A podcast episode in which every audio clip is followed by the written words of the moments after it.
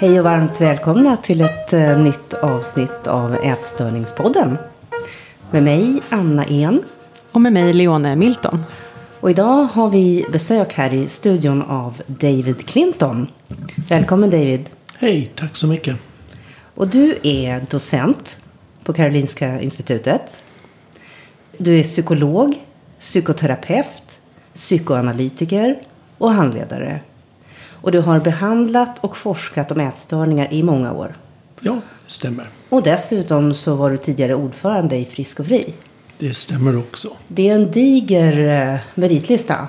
Ja, jag har haft några år att samla på mig det. Får man fråga hur gammal du är? Du är ju man så jag, jag tänker att det är okej. Ja, det är okej. Um, jag är 64 och um, fyller 65 um, nästa vecka. Men du medverkar ju också i vår bok Mamma med ätstörning. Ja, Så det var ju väldigt, väldigt glad att du ville vara med i vår bok. ja Och nu är du ju också själv bokaktuell och det kommer vi återkomma till, Ja. eh, din bok, lite senare. Precis. Men eh, om vi backar bandet då lite grann först. Eh, hur kom du in på det här ämnet ätstörningar? Ja, det går faktiskt ganska långt tillbaka och eh, till min eh, studietid när jag bodde i Skottland. Och eh, jag har en syster som då drabbades av en ätstörning. Och det var någonting som... Innan dess var jag helt obekant egentligen med, med ämnet. Men det var någonting som var ganska ja, gripande för mig. Det var någonting som var... Um, det var väldigt svårt att förstå vad det var som hade hänt. Och um, de ja, föreställningar som hon hade om sig själv och vikten och så. Så att um, när jag skulle då, uh, när jag pluggade just i Glasgow, när jag skulle välja ett ämne för att jag skriva min um, examensuppsats på, valde jag, val, valde jag just um, ätstörningar för jag att försöka förstå det här bättre. Och då har det varit många år av att jag att för, försöka förstå just ätstörningar. Och det är, det är någonting som, kan, som jag tror många kan uppleva som ganska obegripliga när man först möter det. Men um, som, som går, det går att komma närmare en förståelse ätstörningar. Och då har det blivit ett slags kall i livet eller något slags, också kanske bearbeta någon slags trauma för dig själv också? Eller? Ja, eh, det, man skulle kunna säga lite av en kall. Det har inte varit kanske den enda kallen. Det, det finns väldigt mycket som har um, intresserat mig un, under åren när jag har, um, har varit ja, kliniker och forskare. Bland annat just spädbarn och um, spädbarnsforskning och ja, andra typer av ja, problem än, än ätstörning. Jag jobbade ja, under många år på, på RFSU som psykoterapeut där med, um, med andra sorts problematik. Så um, Um, det har... men det har varit... Man skulle kunna säga det var ett kall. Och jag vet inte om jag skulle använda ordet trauma för min del. Men det var någonting som var väldigt obegripligt. Som jag ville verkligen försöka förstå bättre. Och hur mår din syster idag då? Ja, hon mår, hon mår bra. Um, hon har um, ja, kommit över sin, sin ätstörning och um, ja, lever vad man skulle kunna kalla ett normalt liv. Det är ju väldigt fint det du berättar och ganska vanligt att det finns en, en personlig erfarenhet Ja. någonstans i bakgrunden. Precis. Oavsett om man eh, är som vi, håller på med det här. eh, Eller om man då har valt din bana. Ja. Nej, men verkligen. Det du, det du var inne på här med liksom det svåra med att förstå sig på ätstörningen. Eh, du brukar ju prata om det här med att det är viktigt att se ätstörningen både utifrån och inifrån. ja. Kan du utveckla det? Ja, jag tror att om man tänker just på det här um, vad man skulle kunna kalla för det utifrån perspektivet. Då menar jag just mer i termer av ja, fakta, forskning, den, den objektiva verkligheten som gäller när vi ska försöka förstå ätstörningar, när vi ska tänka kring behandling, alla um, forskningsstudier som finns och just när vi kanske betraktar personer som har ätstörningar just, just utifrån vad vi kallar ätstörningar och diagnoser och sånt. Men sen tycker jag det, det, det där är någonting viktigt. Det är väldigt viktigt att ha den sortens kunskap om, om ätstörningar.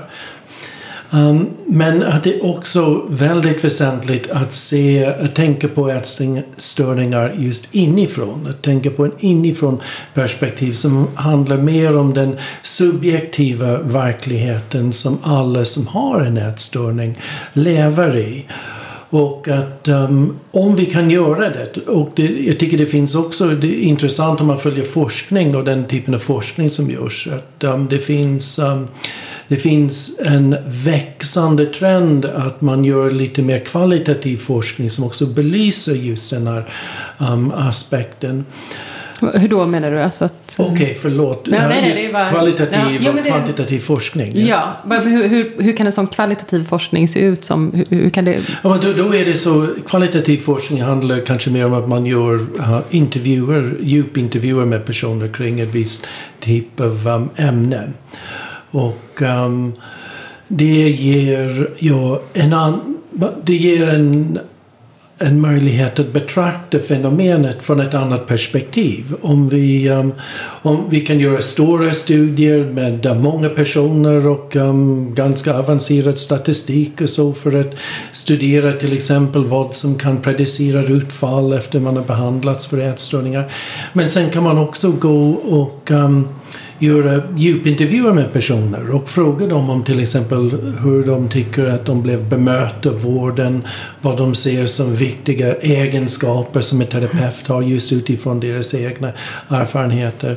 Och det hjälper oss att um, närma oss ätstörningar mer med den här inifrån perspektivet. När det är den subjektiva verkligheten som sätts mer i fokus. Jag, jag tycker det är, väldigt, det är väldigt viktigt med båda perspektiv. Och det, det ger oss mer av en, en balanserad syn på ätstörningar. Och jag tror det också hjälper oss, det hjälper alla behandlare när man ska också försöka behandla eller bemöta ätstörningar. Och, och kan man säga någonting om vad som finns där inne i den subjektiva verkligheten? Ja, det, det, är någonting som egentligen man, jag tycker man behöver tänka på i förhållande till varje enskild person. Så man får ta ja, en person och um, ja, undersöka just deras um, subjektiva verklighet. Och det, det, är någonting som jag tycker är så spännande när man um, arbete som behandlare. För um, då, då, kommer man väldigt nära den, den enskildes ja, subjektiva verkligheten. Hur resan har varit för just den personen. Så det där är väldigt spännande och unikt för, för var och en. Och det är väl en väldigt viktig kunskap att förmedla, tänker jag. Det här Absolut. med behandlarens nyfikenhet ja. och intresse och respekt för den ja. enskilda personen. Verkligen. Jag, jag vet, jag, vi har pratat vid något tidigare tillfälle och, sa, och då sa du att ja, men det finns så många stereotypa bilder eller föreställningar ja. om hur, hur man ska göra eller hur en person ska bli ja. hjälpt. Men ja. att det är dags att liksom nyansera det. Det är verkligen dags att nyansera det.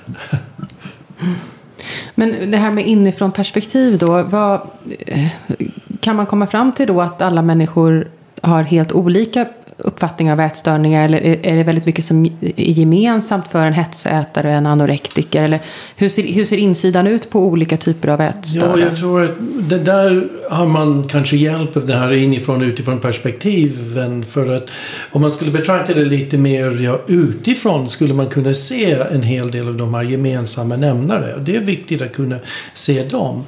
Men um, sen när vi vänder blicken mot den enskildes um, historia um, då, då ser vi saker och ting som är mycket mer um, unika och, ja, och annorlunda. Även om det även då kan finnas kanske vissa liknelser mellan, mellan personer. Mm.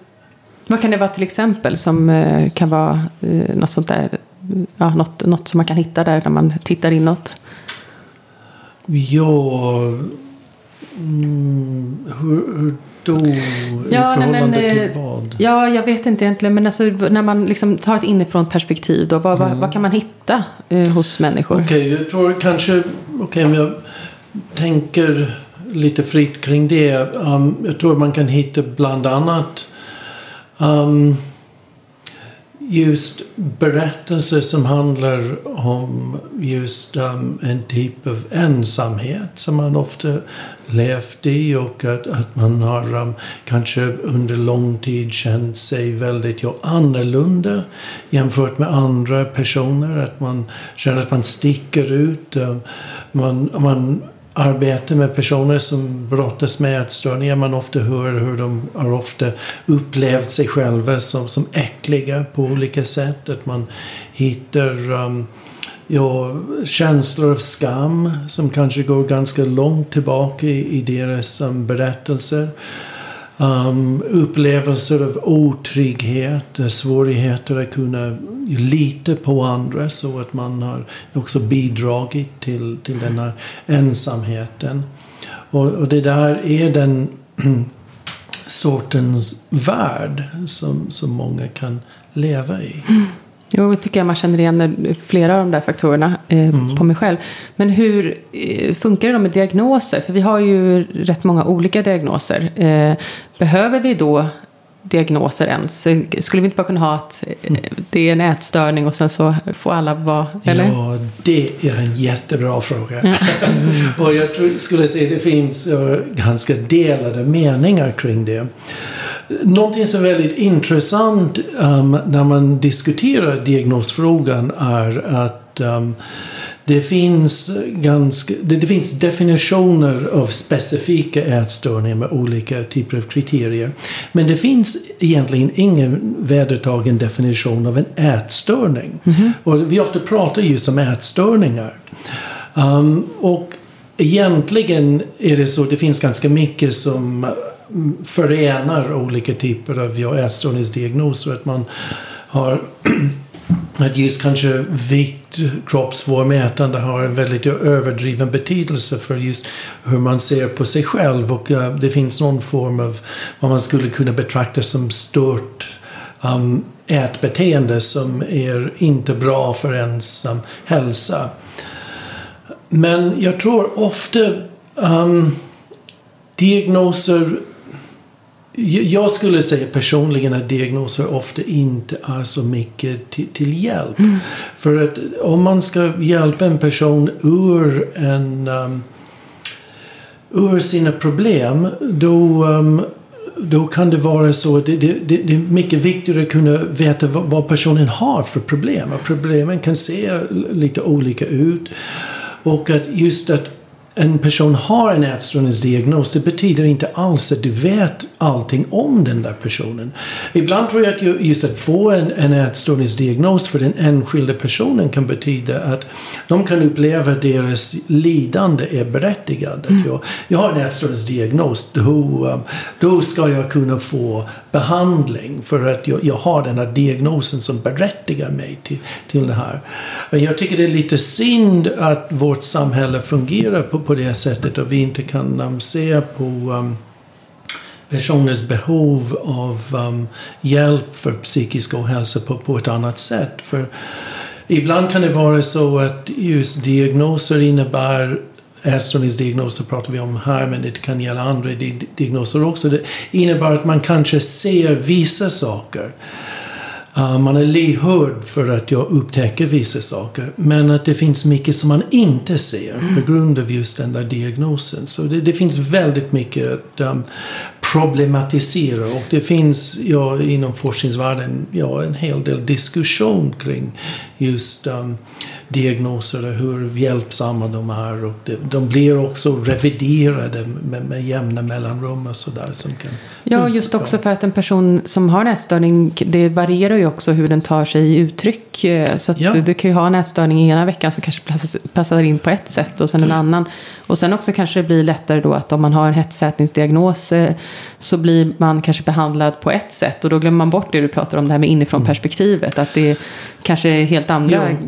Ja. Precis, och ibland kan det vara så att man kanske kan uppleva det här med diagnoser som det är lite som ja, svartvita fotografier eller någonting som är hugget i sten och man inte um, uh, inser att även om betra betraktar en pers person just utifrån ätstörningsdiagnostik att många personer vandrar mellan olika ätstörningsdiagnoser. Att um, det inte alls ovanligt att någon ja, debuterar ja, under tonåren med en anorexi, uppfyller ana, di, diagnostiska kriterier för anorexi nervosa. Men sen um, senare när man kommer upp i 20-årsåldern att det där går över till en bulimi. Um, sen när man kommer upp i 30-årsåldern eller 40-årsåldern då har det gått över till vad man kallar för en hetsätningsstörning. Så det, det här är någonting som kan variera ganska mycket och det, man skulle kunna till och med säga att det är normalt uh, med ätstörningar. Att, um, de tar sig olika uttrycksformer. Mm, men då- känslan är detsamma inuti en hela tiden. Ja. Ja, jag skulle säga det. Att inuti, inuti ja, finns det mycket av de här saker som vi pratade om tidigare. Med, ja, kanske en djup känsla av skam och ja, ensamhet och ja, vilsenhet inför livet och så. Och då kommer vi ju tillbaka till det du pratade om tidigare med att se just den här personen som är framför en. Att inte se diagnosen eller... Exakt. Ja, det är jätteviktigt att man ser det. Att man ser just hela den här personens resa. Att ju- just okej, den här personen kanske uppfyller våra diagnostiska kriterier för bulimia nervosa just nu. Men um, hur har det varit tidigare? Vad, vad, är det, vad är det mer som finns i den här personen som um, som är aktuell för den här personen och som där det här lidandet består av. Och, och någonting annat tänker jag som forskarvärlden väl också diskuterar det är ju det här med tillfrisknandet och vad det, vad det är. Lite samma problem där. Att Ja, det finns det. Finns det. Det, det är väldigt, om man är forskningsintresserad är det väldigt intre, intressant att se just um, vad som händer, vilka olika typer av um, tillfrisknadssiffror uh, man får. Om man definierar tillfrisknad på olika sätt. Och om man tittar på olika ja, tidsintervaller. Till exe- hur då till exempel? Ja, då är det ofta så till exempel att um, ja, om du, om du har uh, en, um, om du definierar um, ja, tillfrisknad i termer av om en person har sin um, samma diagnos som de gick in i när de gick in i behandling. Om någon går in i behandling och har, kanske en bulimidiagnos eller anor- anorexidiagnos. Och man tittar på bara ja nej om de har den där diagnosen um, kanske direkt efter behandling eller sex månader. Um, ja, ett år senare. Då får du ja, andra siffror än om du tittar på just tillfrisknad på ett lite bredare sätt. Om du tittar på just olika, olika um, ätstörningssymptom som man skattar. Um, om man ja, vidgar blicken till att ja, titta på det mer i termer av um, just hur um, en person fungerar mer um, ja, socialt i livet, hur det är med, med arbete um, och sådana saker. Då blir det, allting blir mer, mer nyanserad och, och så. och Ja. den här, alltså att inte ha upplevelsen av att vara frisk. Att, Ja, precis. Det är också någonting som är, som är väldigt väsentligt. Och jag tror det där är någonting som är jätteväsentligt för just personen som, um, som har en ätstörning. Just ja, hur är hur är, hur är det med den subjektiva upplevelsen? Känner du dig frisk? Vad är frisk för dig? Och ja, som om man arbetar med behandling då kan det också vara intressant att just diskutera den frågan med en, en patient. Um, vad, vad betyder frisk för dig? Tycker du? Just det, för det kan ju vara då att utåt så, så har man uppnått, man har, har normalviktig, man eh, kompenserar inte x antal gånger i veckan med, med saker. Så det, på pappret utåt så har man ingen ätstörningsdiagnos. Men, men inåt så känner man ju, kanske man brottas med varje måltid ändå. Eller liksom man kämpar för att hålla uppe det här friska beteendet. Precis, um, så, så kan det mycket väl vara. Och det där är någonting som är också viktigt att tänka på. För att det kan också betyda att när det är som du säger. Att, um, det kan finnas också en risk för, för återfall. För att ja, när saker och ting blir svårt i livet igen, som det, det brukar bli. Att ja, livet är så att det går upp och ner. Man alla stöter på olika typer av svårigheter och, och så. Det är normalt. Um, då kan det vara så att man kan um, um, av olika skäl glida tillbaka i just det um, beteendet igen. Uh, samtidigt som man kanske känner oj, vem, vilken misslyckad person jag är. För att jag, här är jag igen tillbaka i det här som, som jag trodde att jag hade lämnat. Och då, då rullar skammen upp igen. Man vågar inte berätta för, för folk att uh, man har haft ett um, återfall. Men det är Alltså, ju där det som är är så svårt. Ja, och det vet jag, det pratade du också om David, i, i, har jag hört dig prata om just det här med förändring. Alltså just att förändring är så svårt. Eh, för det, det känner man igen sig, jag som liksom för detta eh, eh, bulimiker och sådär. Det var ju alltid liksom så att men på måndag så, så, så förändras, så, så hetsåt man liksom fredag, lördag, söndag. Och sen på måndag då är det nya tag. Och, och sen så är man där igen år ut och år in varje vecka. Eh, och eh, Eh, varför är det så svårt att, med det här med förändring? Ja, det är också en jättebra fråga det där.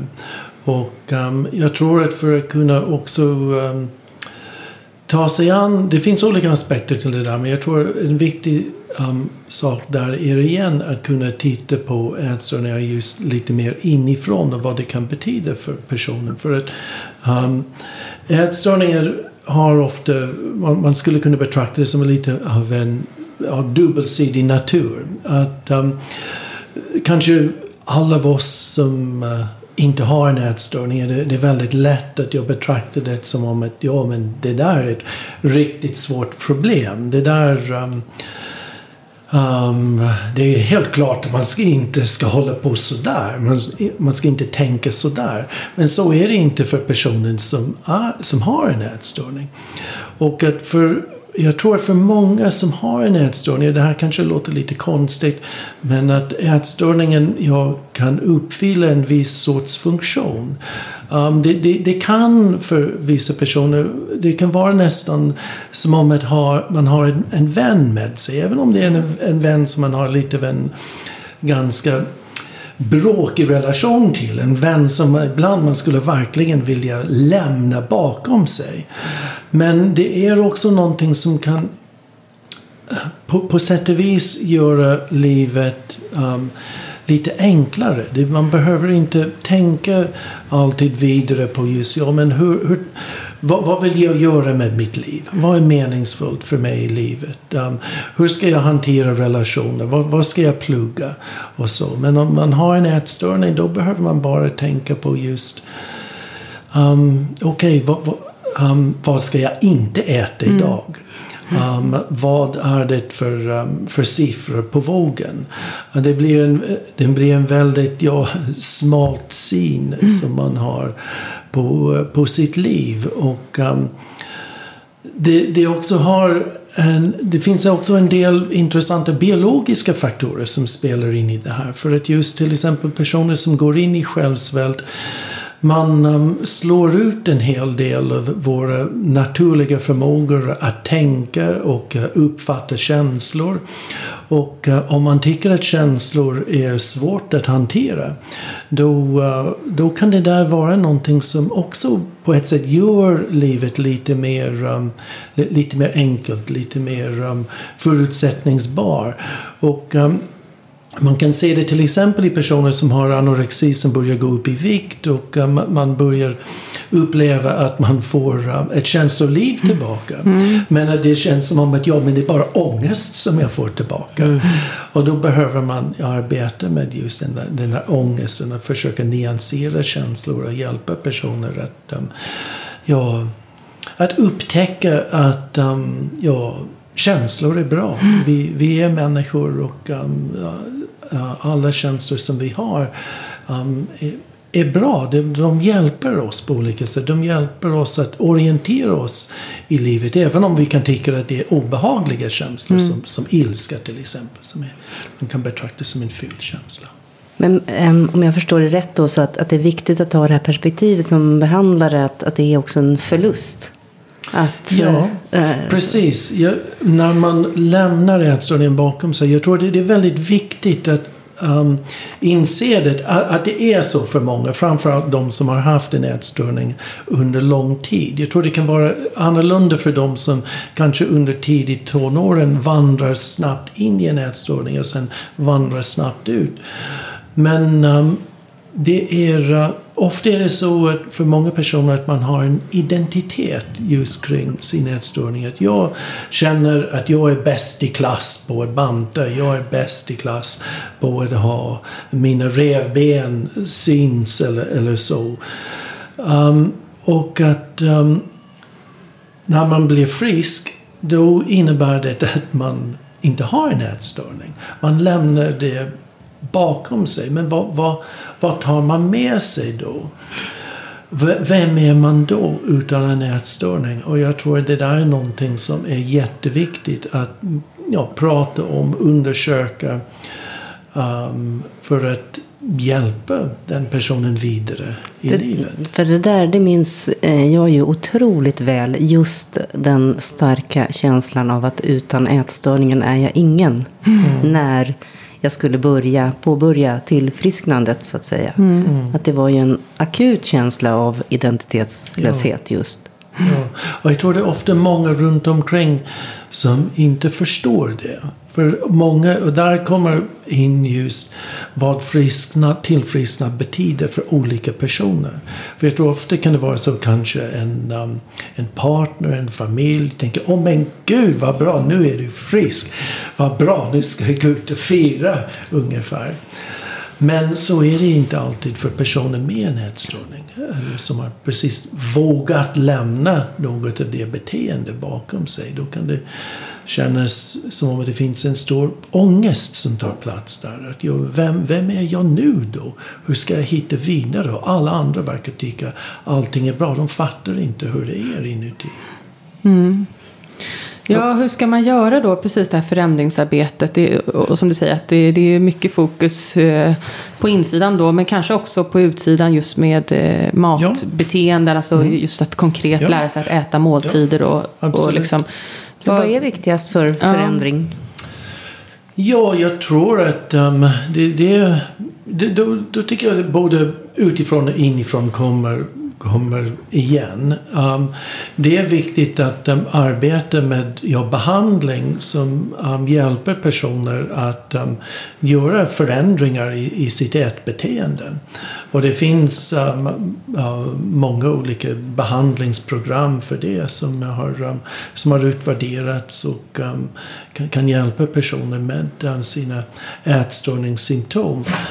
Men jag tror också att det är väldigt viktigt att tänka kring just hur man kan få de här behandlingsprogrammen att, um, att fungera. Och då kommer man in på saker som har mer att göra med just insidan och just hur en terapeut är. Man ska inte tänka att en behandlingsmetod är som en medicin som man bara tar och sen verkar det utifrån ja, de olika ingredienser. Utan att det handlar väldigt mycket om just vad som uppstår tillsammans med um, en person och en terapeut. Eller terapeuter. Um, I relationen då? Ja, i relationen. Det tycker jag är, det är den gemensamma nämnare som är väsentlig för allt som vi pratar om här. Hur då menar du?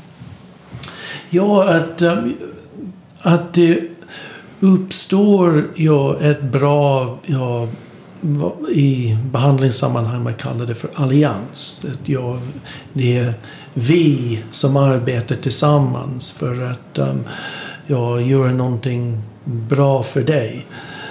Och att um, om det ska bli en bra allians då, då handlar det väldigt mycket om just hur terapeuten arbetar. Och att man är um, lyhörd, man, man lyssnar, man är nyfiken på, uh, på personen. Att um, man kan också ha uh, ja, man kan vara lite lekfull i hur man arbetar.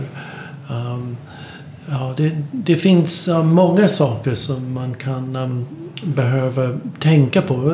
Vara öppen och ganska transparent i hur man arbetar. Att um, vara ja, ärlig själv som terapeut. Så att ja, man kanske gör någon form av misstag eller så. Att man kan erkänna det. Att man, så man behöver inte gömma sig bakom en met- metod. Utan att man kan ta ansvar för, um, för den ja, relation som man har med patienten. Och det med att man kan visa då så att säga att, att det är okej att göra fel eller att klanta till det visst, lite. Absolut, eller jag tror att det, det, det är viktigt att eh, så eh, ofta många personer med ätstörningar de kan ofta känna någon form av olika former av perfektionskrav. Att jag ska vara perfekt på olika sätt. Man kanske tänker att just terapeuten är perfekt också. Men ja, terapeuter, alla människor, vi är inte perfekta. Nej men precis, det kan man ju känna lite när man sitter som eh, ätstörd hos någon och så tänker man att då, man känner sig väldigt misslyckad i förhållande till eh, där man pratar med. Men det, så är det ju inte, utan alla bär ju runt på sina saker. Ja. Ehm, men, men på tal om liksom behandling och så, så kommer du ju ut med en bok som eh, kommer ut nu i dagarna, eller, liksom, eller nu i framtiden. Ja, Om- den kommer ut kom nu genom i- brevlådan idag. Ja, exakt. Så den kommer ut i juli då, förstår jag. Ja, Eh, förstå och bemöta ätstörningar. ja, Eh, har varit två redaktörer ja för precis. Eh, Rasmus Isoma. Ja, från och du, Finland. från Finland. Jakobstad. Ja. Eh, Förstå och bemöta ätstörningar. Ja, men det är det vi har lite pratat om här. Mm. Berätta mer om boken. Det, Och det är också du som har skrivit förord, ja, Anna. ja, men det stämmer. Det stämmer. Ja, men det är en bok som jag är väldigt glad över att um, det här kommer ut. Och um, jag hoppas att um, många kommer att läsa det. Um, både jag behandlare och um, även den um, Ja, en allmän publik som är intresserad av just det här ämnet. För vi har skrivit det för um, att det ska va- kunna vara tillgängligt för många. Och vi har um, försökt att belysa ätstörningar på ett sätt som kan eh, bidra till mer av en ja, helhetlig förståelse om ätstörningar och att man ska också kunna just utifrån vad som skrivs där att man ska lättare kunna bemöta ätstörningar både som behandlare men även som kanske anhörig och så.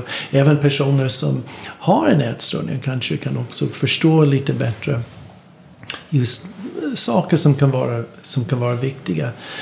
Och, och i boken då, um, då har, det här kommer mycket från mina erfarenheter av just Frisk och Fri under åren. När jag um, upptäckte just hur värdefullt den här um, ja, perspektivet är av personer som har en egen erfarenhet av ätstörningar och just vad, vad det kan verkligen bidra med. För att eh, vi har, vi har många olika författare som har um, skrivit um, delar av boken.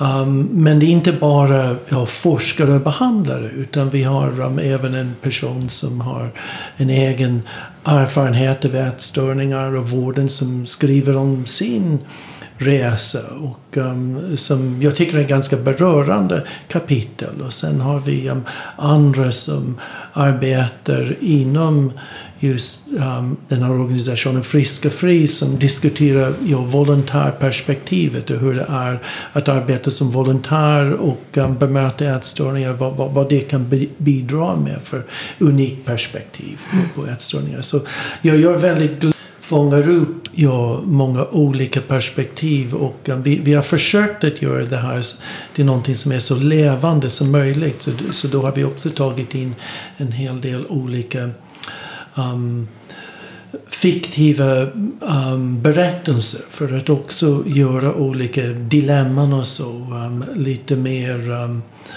ja, köttnära om man säger mm. så. Men just det här med bemöta, precis det är ju väldigt intressant just som, som närstående är det jättetufft att bemöta och sådär. Men om man kopplar det till sig själv, just det här med att det är ju nästan som att man har två röster och man ska förstå sig själv och sina känslor. Hur kan man bemöta sig själv i sin ätstörning? Alltså hur... Ja, bra fråga. Jag skulle säga med hjälp av dialog. Och um, um, du kan ha den där dialogen med dig själv. Men jag tror det är väldigt um, bra att kunna blanda in en annan i den där dialogen.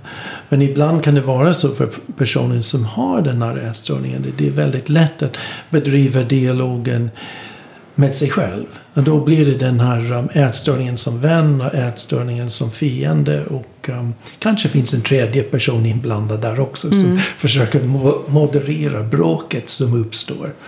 Ja, för det, det, det, tycker jag verkligen det är. Att det är ju verkligen som att uh, när man är liksom sitt friska jag som säger det här. Att det här är all, aldrig igen.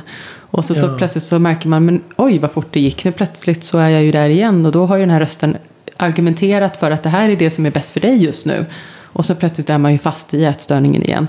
Och då hade man ju velat liksom bemöta det här liksom med så här. Ja, det kanske är liksom är någon, jag vet inte, hur, hur bemöter man? Ja, jag tror att en sak man, man, kan, man kan prata om olika saker där. Man, man pratar idag om mycket om just um, self-compassion. Till exempel. Mm. Att man ska självmedkänsla. Ha, självmedkänsla. Man ska ha lite um, um, förståelse för sig själv och, uh, och så. Uh, och det, det, är, det är någonting som kan vara viktigt i sammanhanget. Men jag tror också att någonting som är andra saker som kan vara viktigt är um, delvis en, um, en ärlig nyfikenhet mm, som man har um, på sig själv. Och att, um, att när man är nyfiken att man försöker också bortse från alla sina fördomar så gott det går. För det är alltid lätt att ha fördomar. Och vi, vi alla har fördomar av olika slag. Men um, nyfikenhet. Um, men så man kan ha fördomar mot sig själv då? Eller? Ja, jag tror ja, hur, precis. Liksom? man, man tänker att just att, um, att uh, det är så här på grund av just uh, mm. någonting som jag har varit um, med om. Eller att andra tycker att jag är ful, andra tycker att jag är äcklig. Den här dömande rösten just tänker jag som hela tiden klankar. Det är den dömande rösten men som kan vara en väldigt djuprotad övertygelse. Mm. Jag tycker egentligen att för att kunna komma åt det där är det väldigt viktigt att man kan att man vågar känna en öppenhet så man kan börja prata med andra om det här. Men um, det där, man kan också vara, försöka ta det samtalet med sig själv. Mm. Att uh, försöka um, ställa frågor till sig själv. Um, men vet jag det här? Mm. Egentligen. Hur vet jag mm. att um, den där personen tycker att jag är äcklig? Mm. okay, det, det utspelade just det här när jag träffade honom, henne. Um, och uh, jag kom fram till det här. Att uh, som jag brukar göra. Att hon tycker att jag är äcklig till mm. exempel. Men um, man kan försöka ransaka sig själv kring sådana föreställningar. Men återigen, jag tror det där blir mycket lättare när man vågar öppna upp mm. och prata med andra. Ja, för jag tänker det där, det, ett, ett stort problem är att de där tankarna är så normaliserade. Ja. Mm. De, jag menar det, ja. så, så, man måste pressa på ja. den där alternativa rösten. Precis. Men jag tror ändå att det liksom inte är så svårt som man heller kan tro. Det här med att känna självmedkänsla. Liksom att, att det går ändå att implementera det i sitt liv. Och också det här med att vara liksom nyfiken på, jaha vad hände här nu? Okej nu hets åt jag här igen. Varför gjorde jag det? Liksom just, så, alltså jag tror ändå att det, det men, låter, men, men kanske med lite mm, hjälp. Alltså, med lite hjälp, ja, absolut. Ja, ja mm, det, ja, det är ju en väldigt intressant tanke. Det ska vi mm. ta med oss och, mm. och börja öva på. Ja, men jättefint. Men eh, det ska bli jättekul att läsa din bok, eh, David. Och, Ja. eh, Förstå och bemöta ätstörningar. Ja. Utgiven på studentlitteratur. ja. Ja. och stort tack för att du ville gästa oss här i Ja, Ätstörningspodden. tack så mycket för möjligheten. tack. Tack.